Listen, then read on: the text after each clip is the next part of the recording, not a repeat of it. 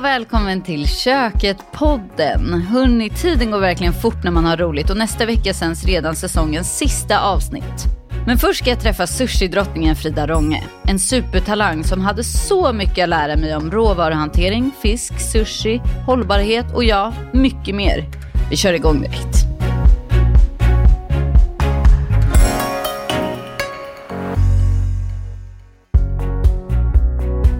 Frida Ronge är den fantastiskt begåvade kocken med den spännande kombinationen japansk-nordisk matlagning som huvudsaklig matlagningsstil. Trots sin unga ålder har hon många prestigefyllda erfarenheter och priser på sin meritlista. Bland annat arbetar hon i dagsläget som kulinarisk chef på restaurang Tak och har vunnit White Guides Rising Star och Karin Franssons mentorspris. Vi är så glada över att hon gästar podden idag då vi är så nyfikna på att höra mer om denna supertalang. Varmt välkommen säger vi till Frida Ronge!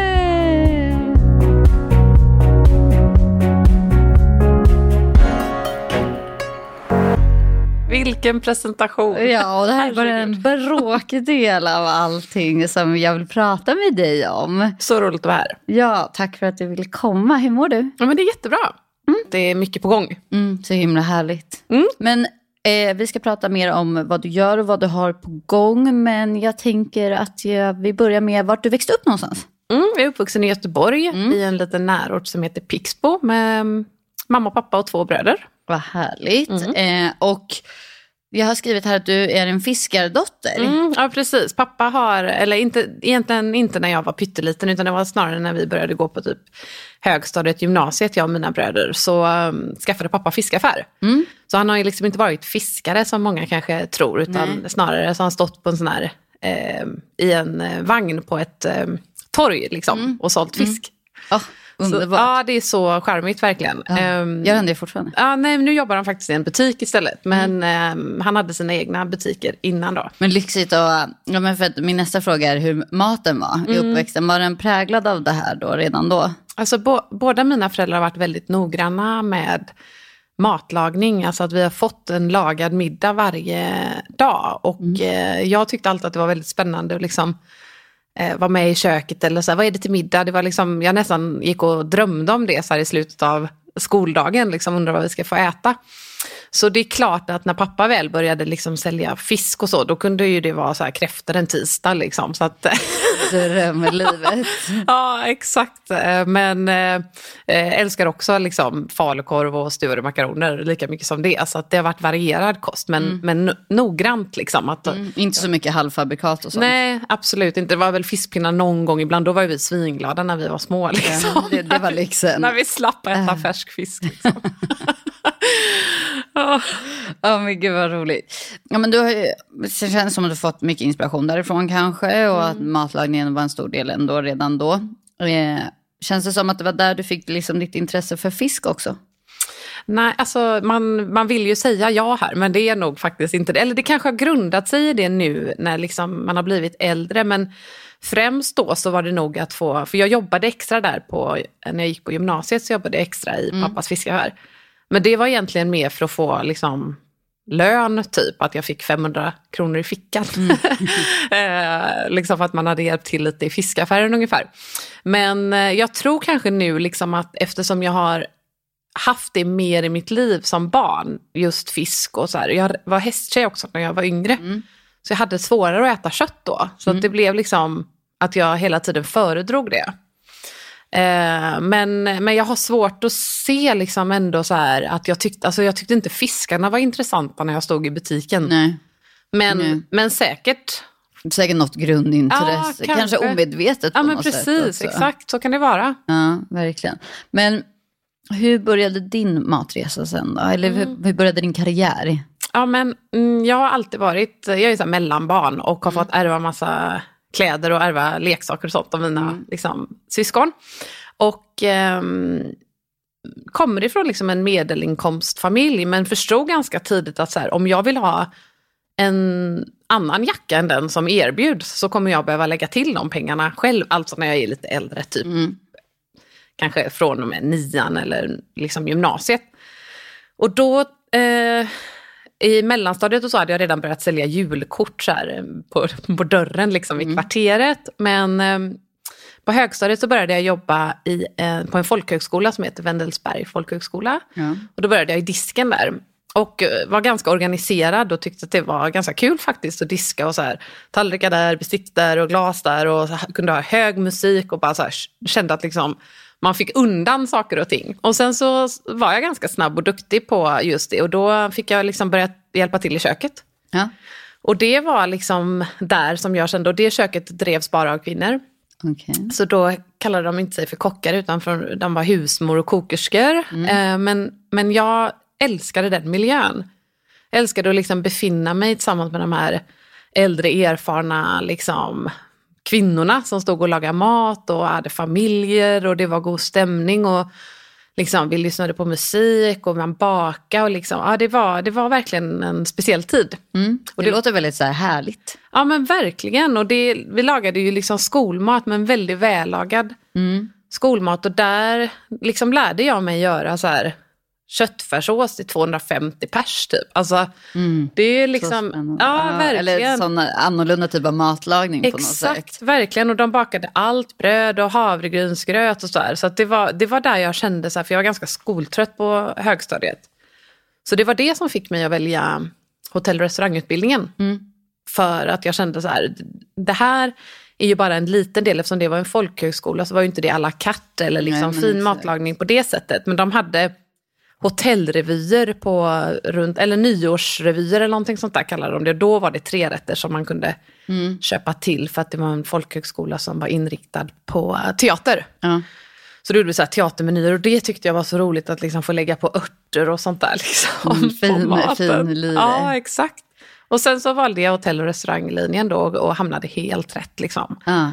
År ett så bara fick jag typ MVG i allting och kunde jobba extra på helger och på kvällar. Och, det var en väldigt rolig tid. Många tycker att eh, den liksom, utbildningen inte var så bra. Jag trivdes skitbra och fick jätteroliga praktikplatser.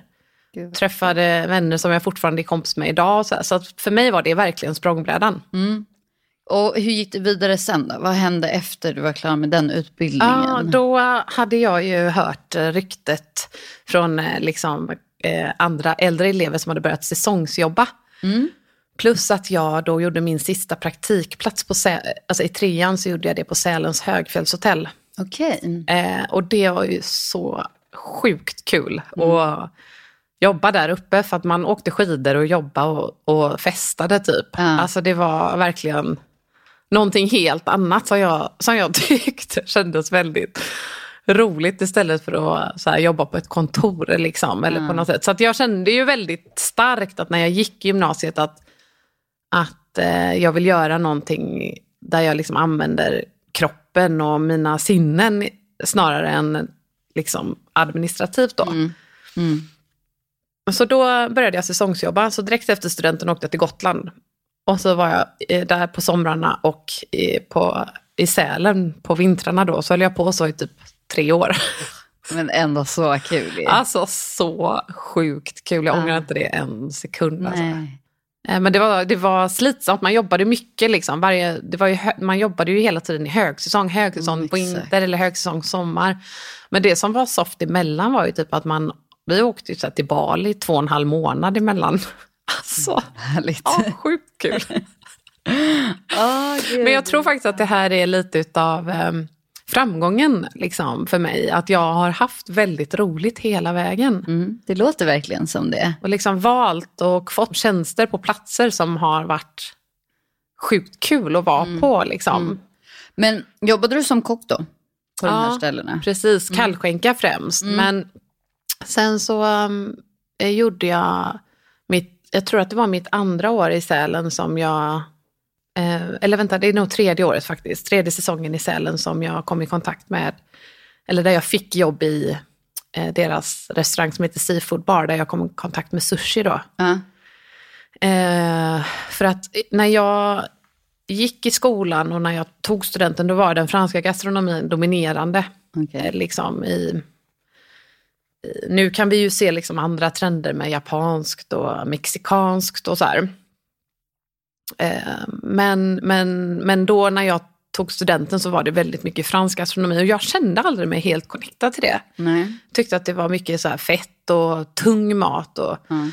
och sådär. Så, jag, så jag, jag drog mig mer till kallköket då än till varmköket. Men då fick jag i alla fall eh, ett erbjudande om att testa och jobba uppe i Seafood Bar som var en sushi och skalrestaurang. Och det här är ju då 2000 ja, typ sex eller någonting. Så att det är ju många år sedan nu. Där, då var ju inte sushin alls lika liksom, så exploaterad. Inte så självklart liksom. Nej, exakt. Det fanns ju typ en japansk restaurang som också hade kinesiskt i Göteborg. Och, och här i Stockholm så fanns det nog några fler. Liksom. Men där hamnade jag helt rätt. Jag tyckte att det doftade otroligt gott när man kokade riset och blandade det med den här vinägen. Det var så fina uppläggningar med så jättefärgglada liksom, tallrikar med ja, men alla färger på fiskarna och mycket grönsaker. Plus att det kändes ju väldigt fräscht då. Och jag tyckte att just liksom, smaken soja var någonting som var... Alltså mamma och pappa har lagat wok hemma men just det här japanska tyckte jag kändes väldigt elegant och intressant. Och förstod då samtidigt att så här, det här är ganska outvecklat. Varför är det så här? Varför är all fisk här fryst, vakuumförpackad, färdigskuren i tråg? När de där nere på restaurangen på Onkel Sean har färska havskräftor, hälleflundra, torsk, räkor, löjrom och så här. Varför kan man inte äta det på sushi liksom? Man gjorde inte det då. Nej. Och eh, också då med min liksom, fiskbakgrund och liksom, någonting jag lärde mig i pappas fiskaffär var ju verkligen så här skillnad på kvalitet. Ja, jag tänka mig. Liksom fisk som hade legat i två dagar versus fisk som kom in direkt. Och så här, man började se skillnader, så känna det på dofter och så här. Ja, där hamnade jag väldigt rätt och blev så här, det här kan jag nog kanske hitta min egna stil i lite. Mm. Vad kul. Så det var kanske typ, ja men det var två år efter jag hade tagit studenten som jag kände så här, det här är nog, det här är nog någonting jag känner att jag ska satsa på för att också kunna kanske slå igenom lite. Mm, du kände det på det redan då? Ja, men och det, för att det liksom. var ju också det att jag kände mig connected som jag har gjort liksom, på många andra grejer som jag har sagt ja till. Att när man gör det så blir det väldigt mycket lättare och roligare och man, jag får mer inspiration och jag blir mer driven. Liksom. Mm. Och så du jobbade där och du hittade liksom den här äh, matlagningsstilen kan man ju säga, eller början på den. Och hur, hur valde du att förvalta det sen då? För du jobbade där då en säsong. Mm, en säsong. Och sen så blev, var det ett gästspel där uppe med en japansk kock och en sake-sommelier som heter Åke Nogren och kocken heter Joakim Lundblad. Um, Åke är, har varit en mentor för mig i många år. Han är, driver ett företag här i Stockholm som heter Akebono, säljer sake. Och den här andra kocken jobbade på Yasuragi Hasseludden. Så de rekryterade mig dit. Ehm, och ja, men egentligen erbjöd mig ett jobb efter deras gästspel då i, eh, i Sälen. Att så här, när du är klar här så kommer vi behöva personal i Stockholm. På det här japanska hotellet typ. Och så gick jag in på hemsidan och bara wow, det här ser superkul ut. Så att dit åker jag typ. Gud, Och så- jag, älskar din inställning. Det känns Ja. som det är väldigt så här, mycket på känsla. och Ja, så ja, det har varit, verkligen varit det. Och då bara, jag åker upp och liksom skriver under eh, anställningskontraktet och bara, shit hur löser jag boende typ. alltså allting sånt där har liksom varit, inte längre dock, men det var väldigt så här, sekundärt. Det löser sig, jag kan bo där, eh, naiv liksom. Ja, men det är en underbar ålder när man känner så. också. Verkligen, för att det är också det som har gjort att, att det har blivit som det har blivit. Ja, Liksom. ja, och att hamnat Men nu är jag så trött på ostabilitet och nu är jag ju snarare jobbig för att jag vill veta allt. Liksom. Ja, ja, att, men eh, all, allt har sin tid, tänker jag. Mm.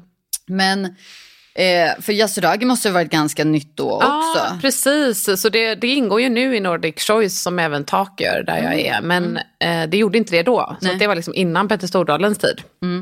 Men så var jag där i typ något år och där lärde jag mig teppanyaki också, så här, laga mat på stekbord. Eh, och sen träffade jag en tjejkompis där som också jobbade som kock som var i samma ålder. Skithärlig tjej från Skåne som heter Helena.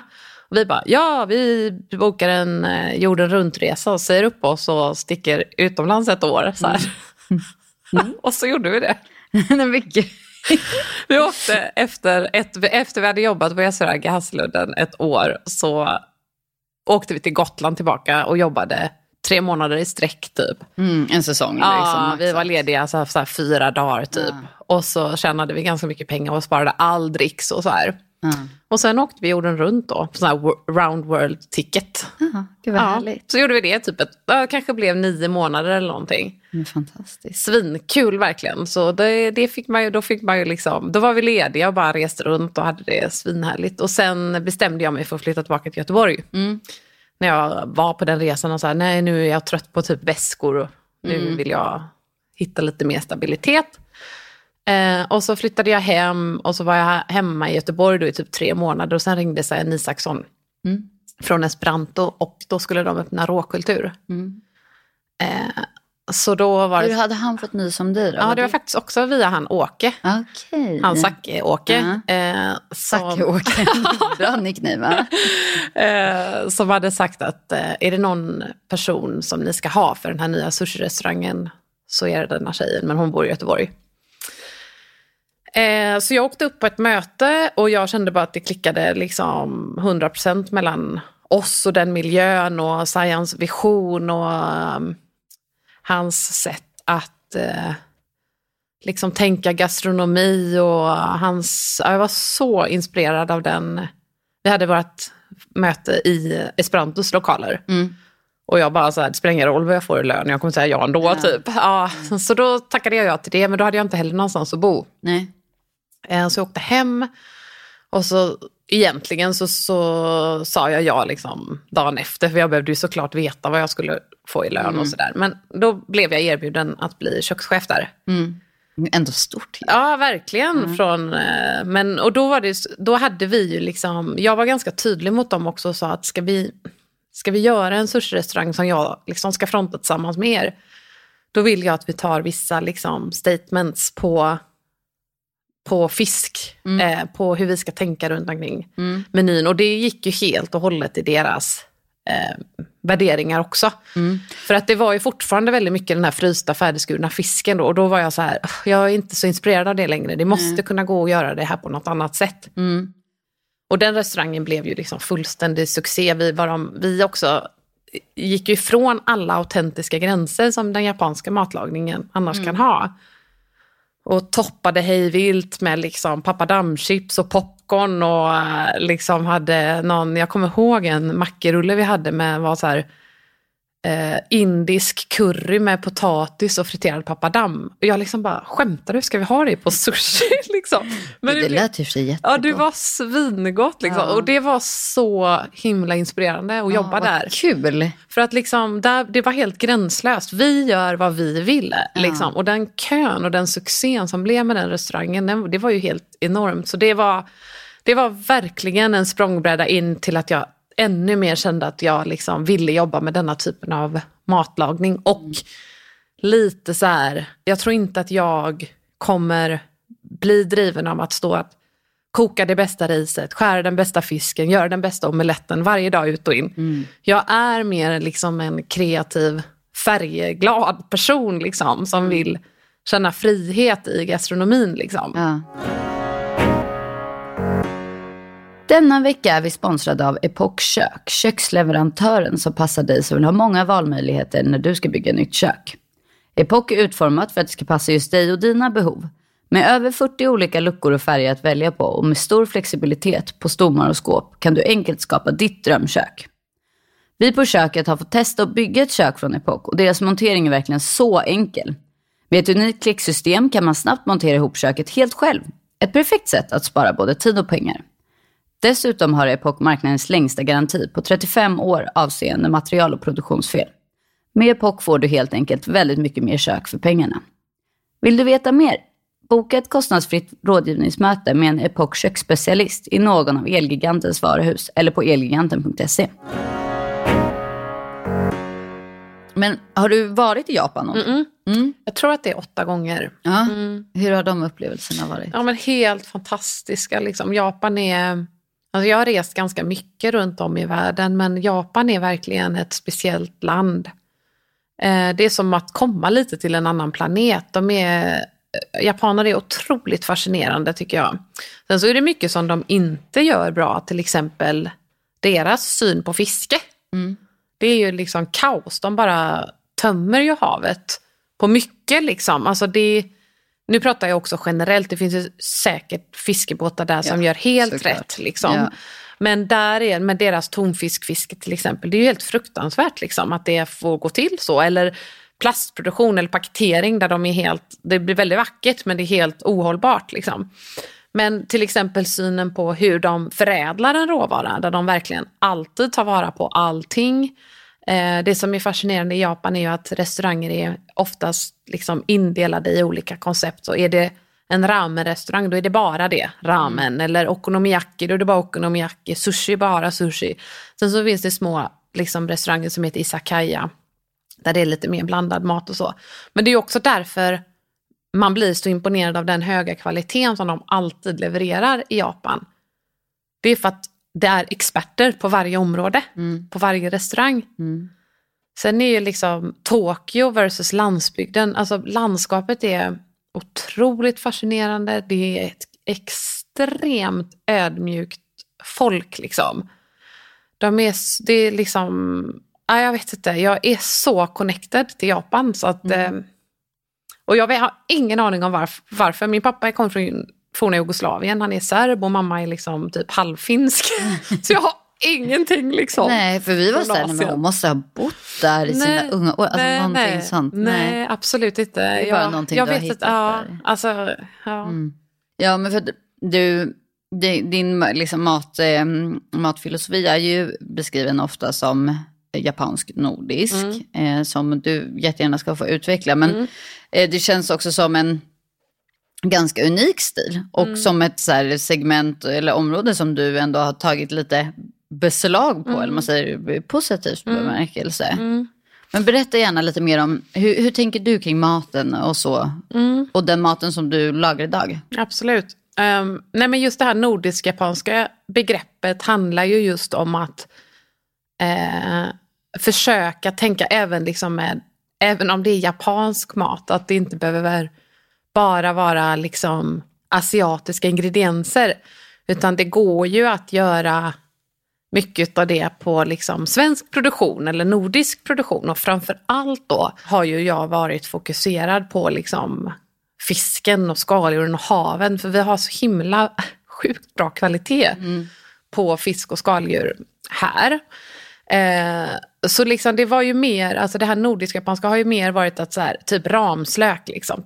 Det, det är jättegott att ha i sushi eller i en ramen eller någonting men det gör man inte i Japan, där har man salladslök till exempel. exakt. så liksom, det är ju mer det att jag har försökt att jobba med det liksom som växer här och finns här då. Men modifiera det in i en japansk rätt då. Men, Och så har det ju varit fram till och med när vi öppnade tak så har det varit fokuserat på sushi liksom, och sashimi och så.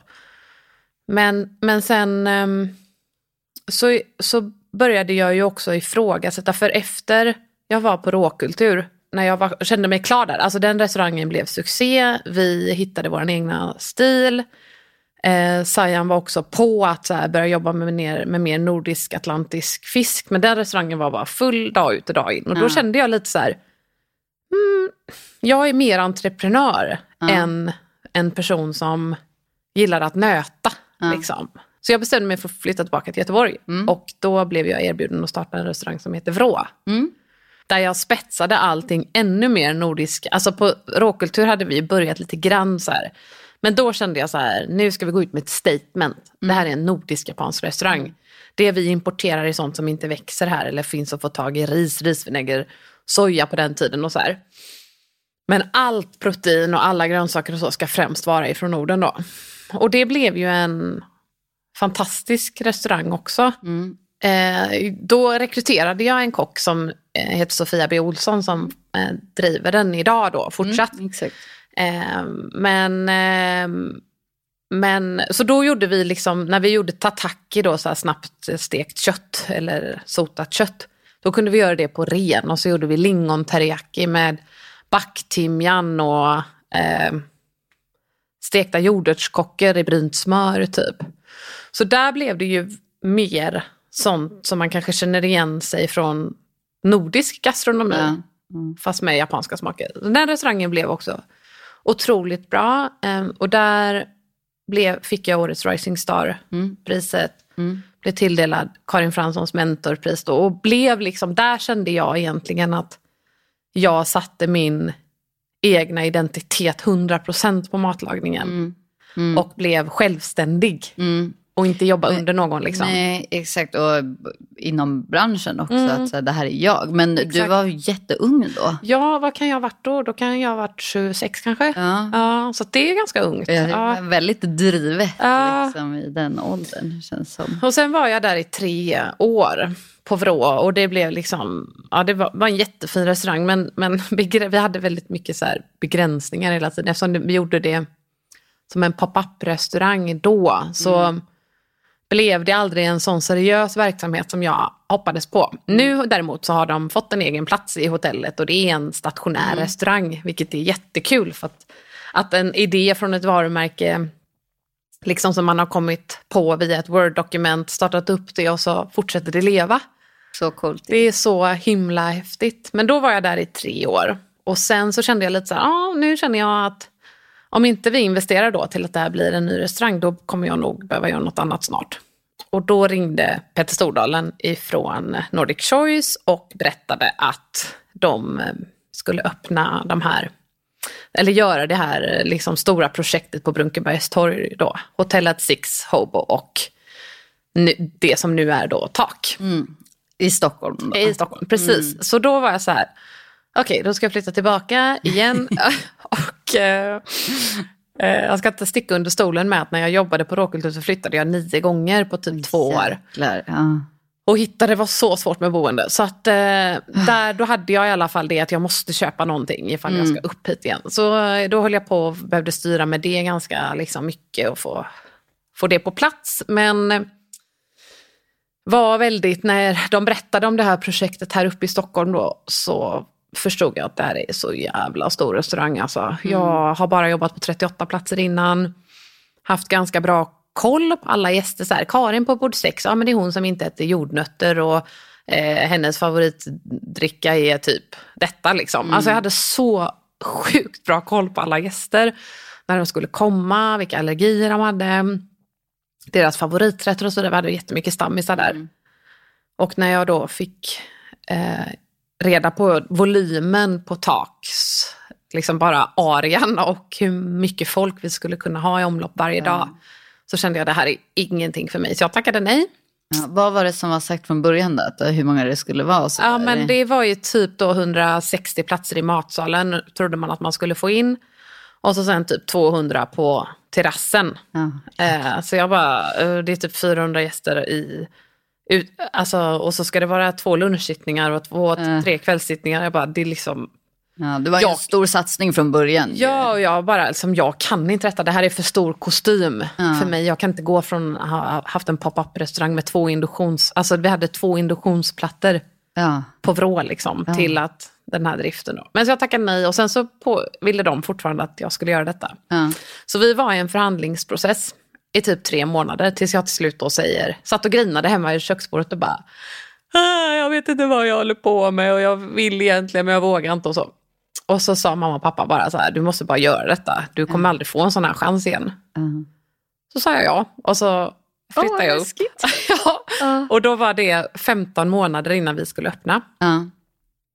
Och då var jag väldigt tydlig med att så här, jag, på en sån här stor enhet så måste jag vara med i konceptutvecklingen, mm. i allt som rör liksom flödet i matsalen, design, eh, matkoncept.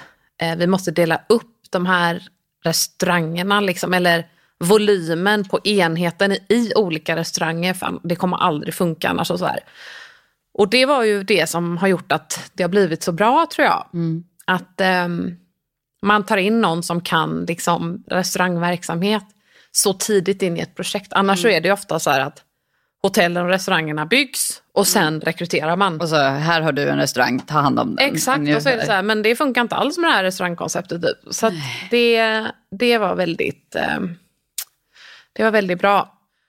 Och sådär. Men, men det var egentligen där först som jag kände i pre-opening-arbetet att så här, det kommer gå så in i helvete mycket mat. Mm. Mm. Ut från detta köket, hur ska vi kunna göra det hur ska vi kunna veta att vi gör det på bästa sätt med minst påverkan typ?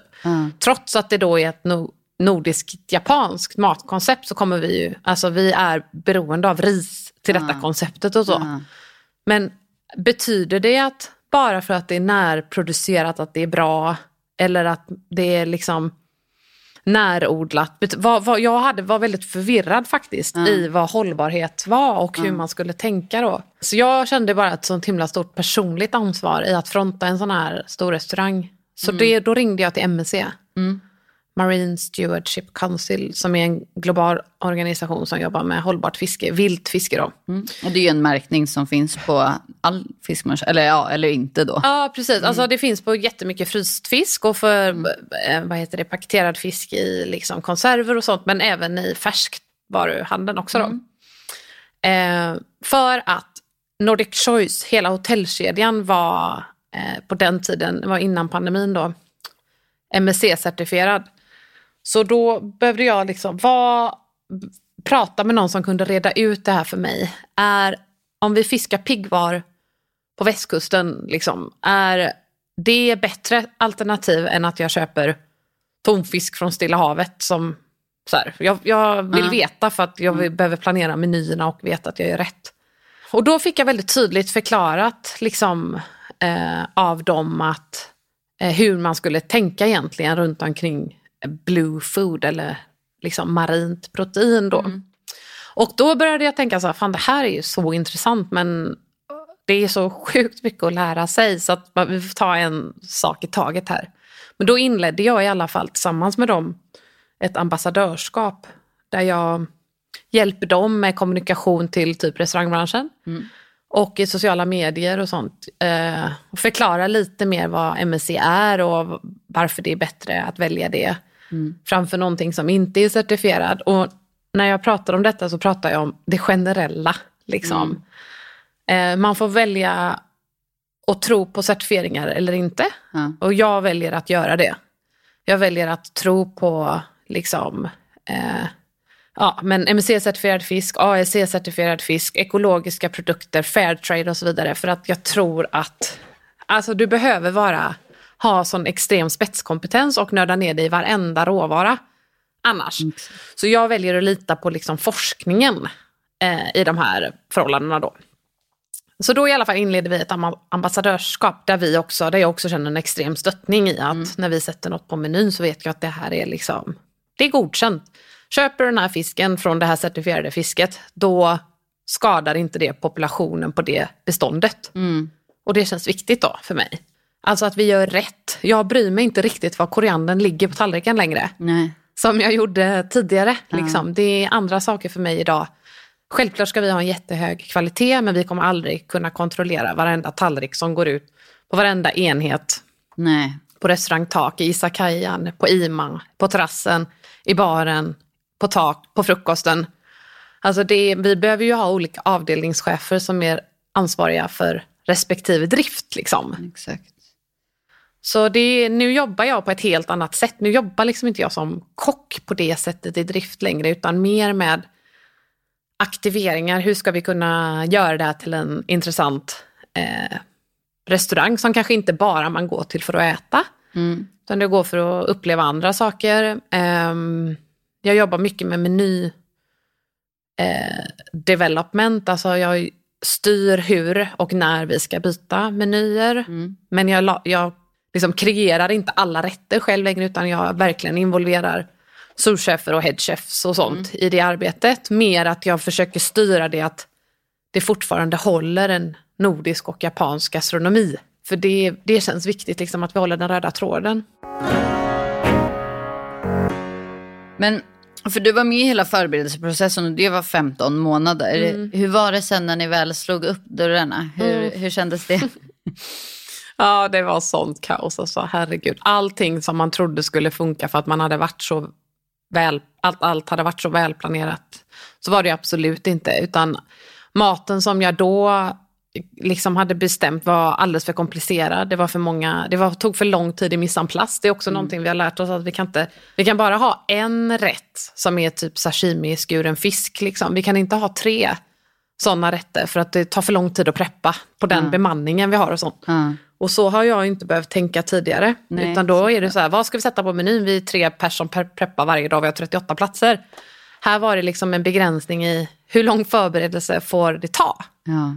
Hur mycket måste vi kunna göra i service? Liksom, och så Ett annat sätt att tänka ju. 100 procent. Så efter bara två månader så fick vi liksom ändra ja, 50 procent i alla fall. Självkänslan och självförtroendet gick ju i botten när man hade en idé som inte funkade och man tänkte liksom, har jag tänkt så jävla fel och varit med så här länge liksom. Mm. Men jag tror att det är därför jag är kvar också, att jag känner att uppgiften är fortfarande inte helt löst. Nej. Liksom. Nej. Men ett stort, eh, en stor bekräftelse i det hela. Det var ju när vi fick årets Meroir Award av White Guide. Dagens Industri, årets affärskrogspriset fick vi efter ett år. Mm, wow. Eh, årets smaksättare, årets eh, innovatör. Alltså det, vi blev ju extremt hyllade över att ha ett tydligt koncept med, med fokus på någonting liksom, som ja, var hållbart. Och nu då att vi ska öppna tak i Oslo 1 september. Ja, så himla kul. Så är det ju också liksom, alltså rent internt i vår organisation så är det ju också en extremt stor bekräftelse att man vill göra en copy på, på någonting i ett nytt land. Liksom. Så det är kul tycker jag. Att, Men då tar ni egentligen samma koncept och öppnar upp Mm. där.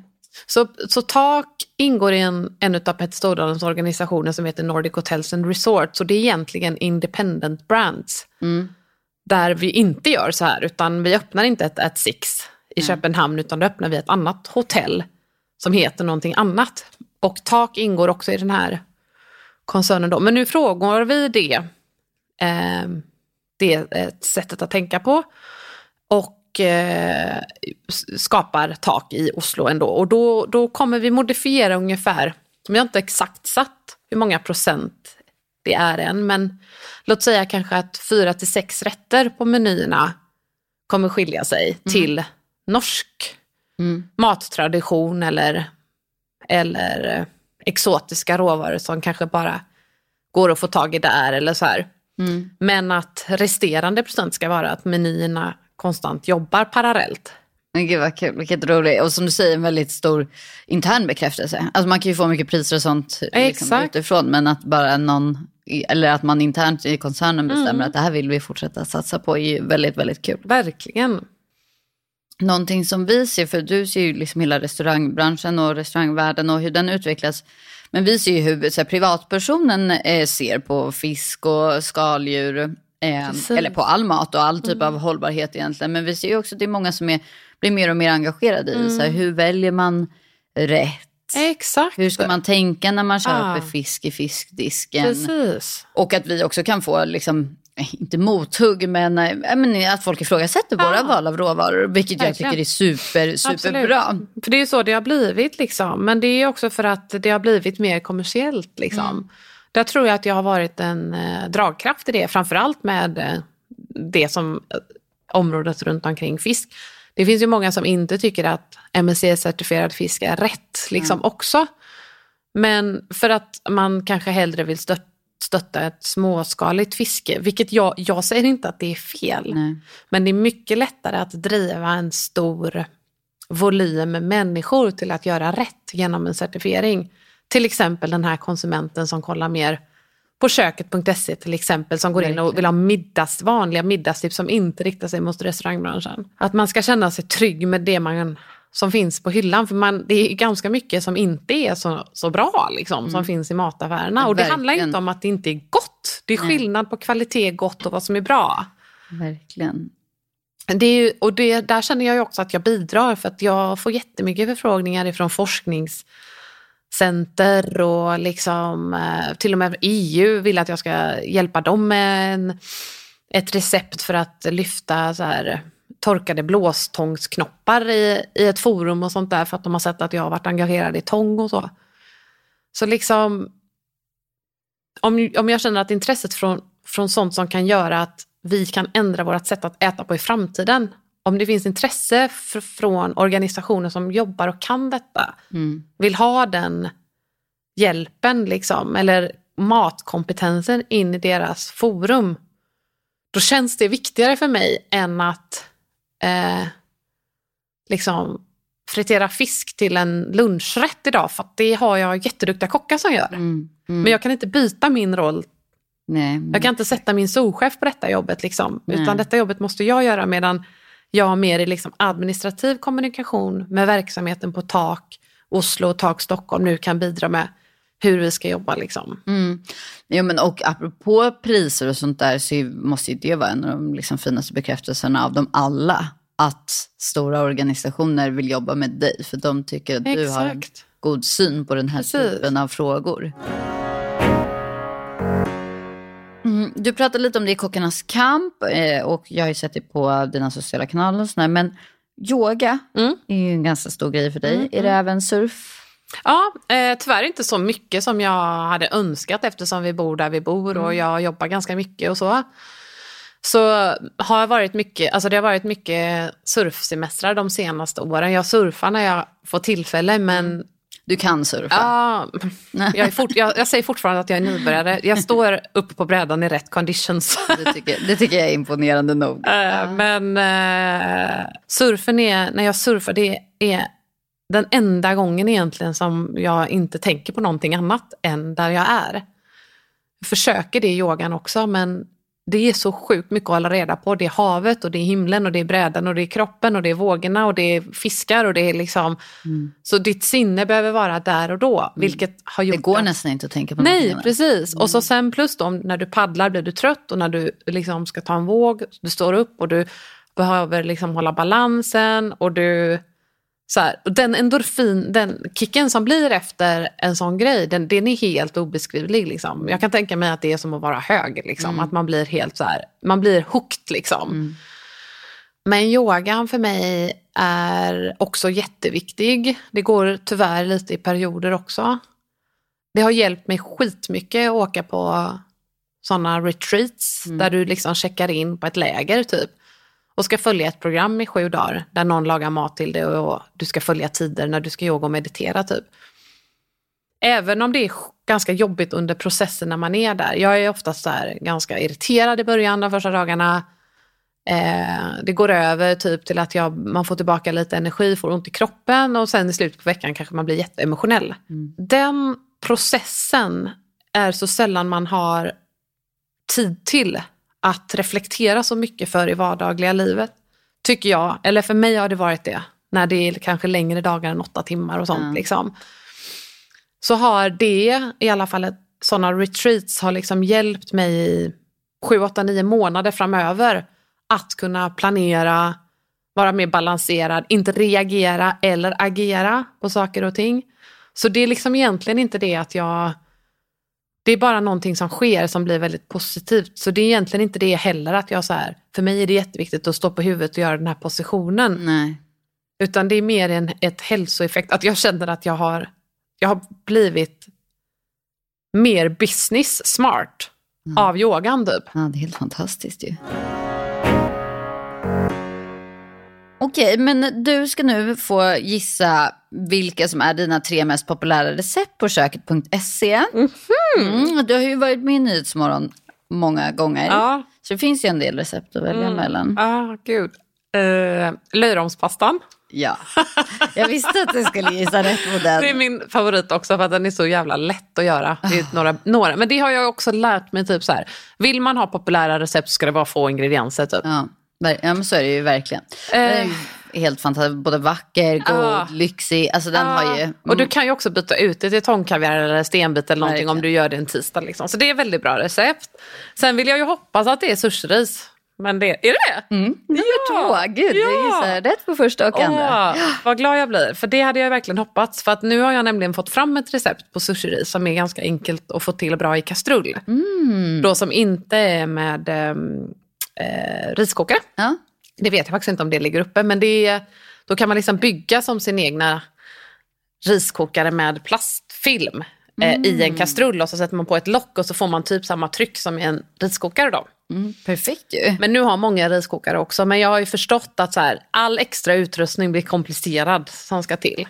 Så är det ju. Men eh, ändå väldigt roligt att, eh, Alltså det är så många som verkligen är intresserade av att Ja. göra eget sushiris hemma. Ja, men det är är så kul också. För det var det ju inte när jag började Nej. överhuvudtaget. Och det är så lätt. Det är Ja. bara kok. Har du den här sushi färdig, då är det bara att koka ris och så har du liksom sushi. Så det rekommenderar jag.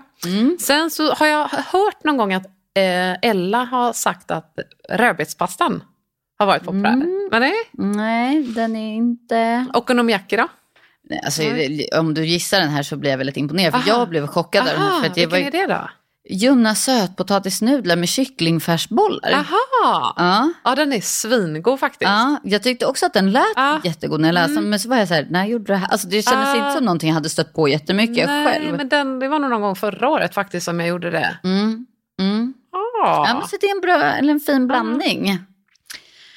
Ja, men jag tror att jag har fått svar på alla mina frågor. Men vi ska avsluta med fem snabba frågor. Mhm.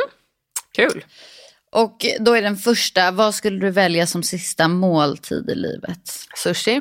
Mm? Är det någon speciell sushi eller vill du bara säga sushi? Mhm. Ja, men nej, men eh, gud. Ja, nej, men det är nog maki och nigiri och gunkan. Alltså en sån, ett sånt nice sushi-set liksom.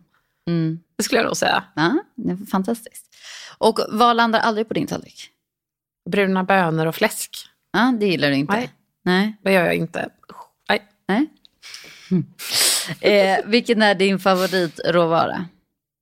Alltså jag skulle ju vilja säga fisk, men det är ju inte en rå... Alltså, det är ju liksom så brett. Men, ehm, ja, men då skulle jag ändå säga ris kanske. Ja. Mm. Det är ändå väldigt vanligt förekommande i mycket av din matlagning. Mm, precis. Ja, exakt. Så det är det jag tänker, för det är så här risvinäger också. Riset, ja det har varit en stor... Mm. Ja, Soja också, oh, svårt. ja, men du får säga ris också. Ja. Ja, ris och soja. Okej, ris och soja. Då blir det det. Men vem skulle du helst vilja äta middag med, död eller levande? det. Man skulle vilja säga någon som man ändå kan sitta och konversera med så att man inte bara är nervös hela tiden. Liksom. Man får inte vara för starstruck Nej, heller. Liksom. Ah, gud vad svårt. Nej men alltså, jag saknar min mormor väldigt mycket. Mm. Liksom. Hon dog för några år sedan och det skulle vara så kul att bara berätta om livet för henne. Mm. Liksom. Allt som har hänt. Ja, precis. Ja, men jag skulle nog säga henne. Mm. Även om det var ett långt svar. Så är det nog faktiskt det som vinner framför någon kändis. Mm. Ja, det skulle jag vilja. Mm, mysigt. Eh, och så sista då. Frukt i mat, ja eller nej? Ja. Härligt. ja, jag tycker det är gott med banan till eh, Flygande Jakob och ananas Mm. på pizza. Liksom. Ja. ja, det är ju det som är vattendelaren. För det är det som vissa bara, nej. Ja, ja. I alla fall inte flygande Jakob. Nej, precis. Men eh, ja, härligt. Mm, det ska jag säga. Gott. Men du, då har jag fått svar på alla mina hundratals frågor här. Tack snälla för att du kom hit. Tack själv, var jättekul. Ja, jättekul.